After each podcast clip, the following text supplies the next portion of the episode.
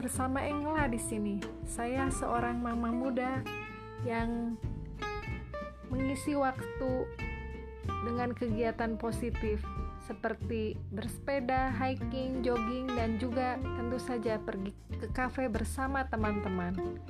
Nah, nanti saya akan membahas tentang makanan-makanan yang ada di kafe-kafe, khususnya di kota Bandung dan di Indonesia. Selalu dengarkan podcast saya sehingga update tentang jenis-jenis makanan yang cocok untuk para wisatawan, turis lokal, dan turis asing. Juga diselingi nanti dengan kegiatan olahraga ringan seperti sepeda, hiking, dan jogging.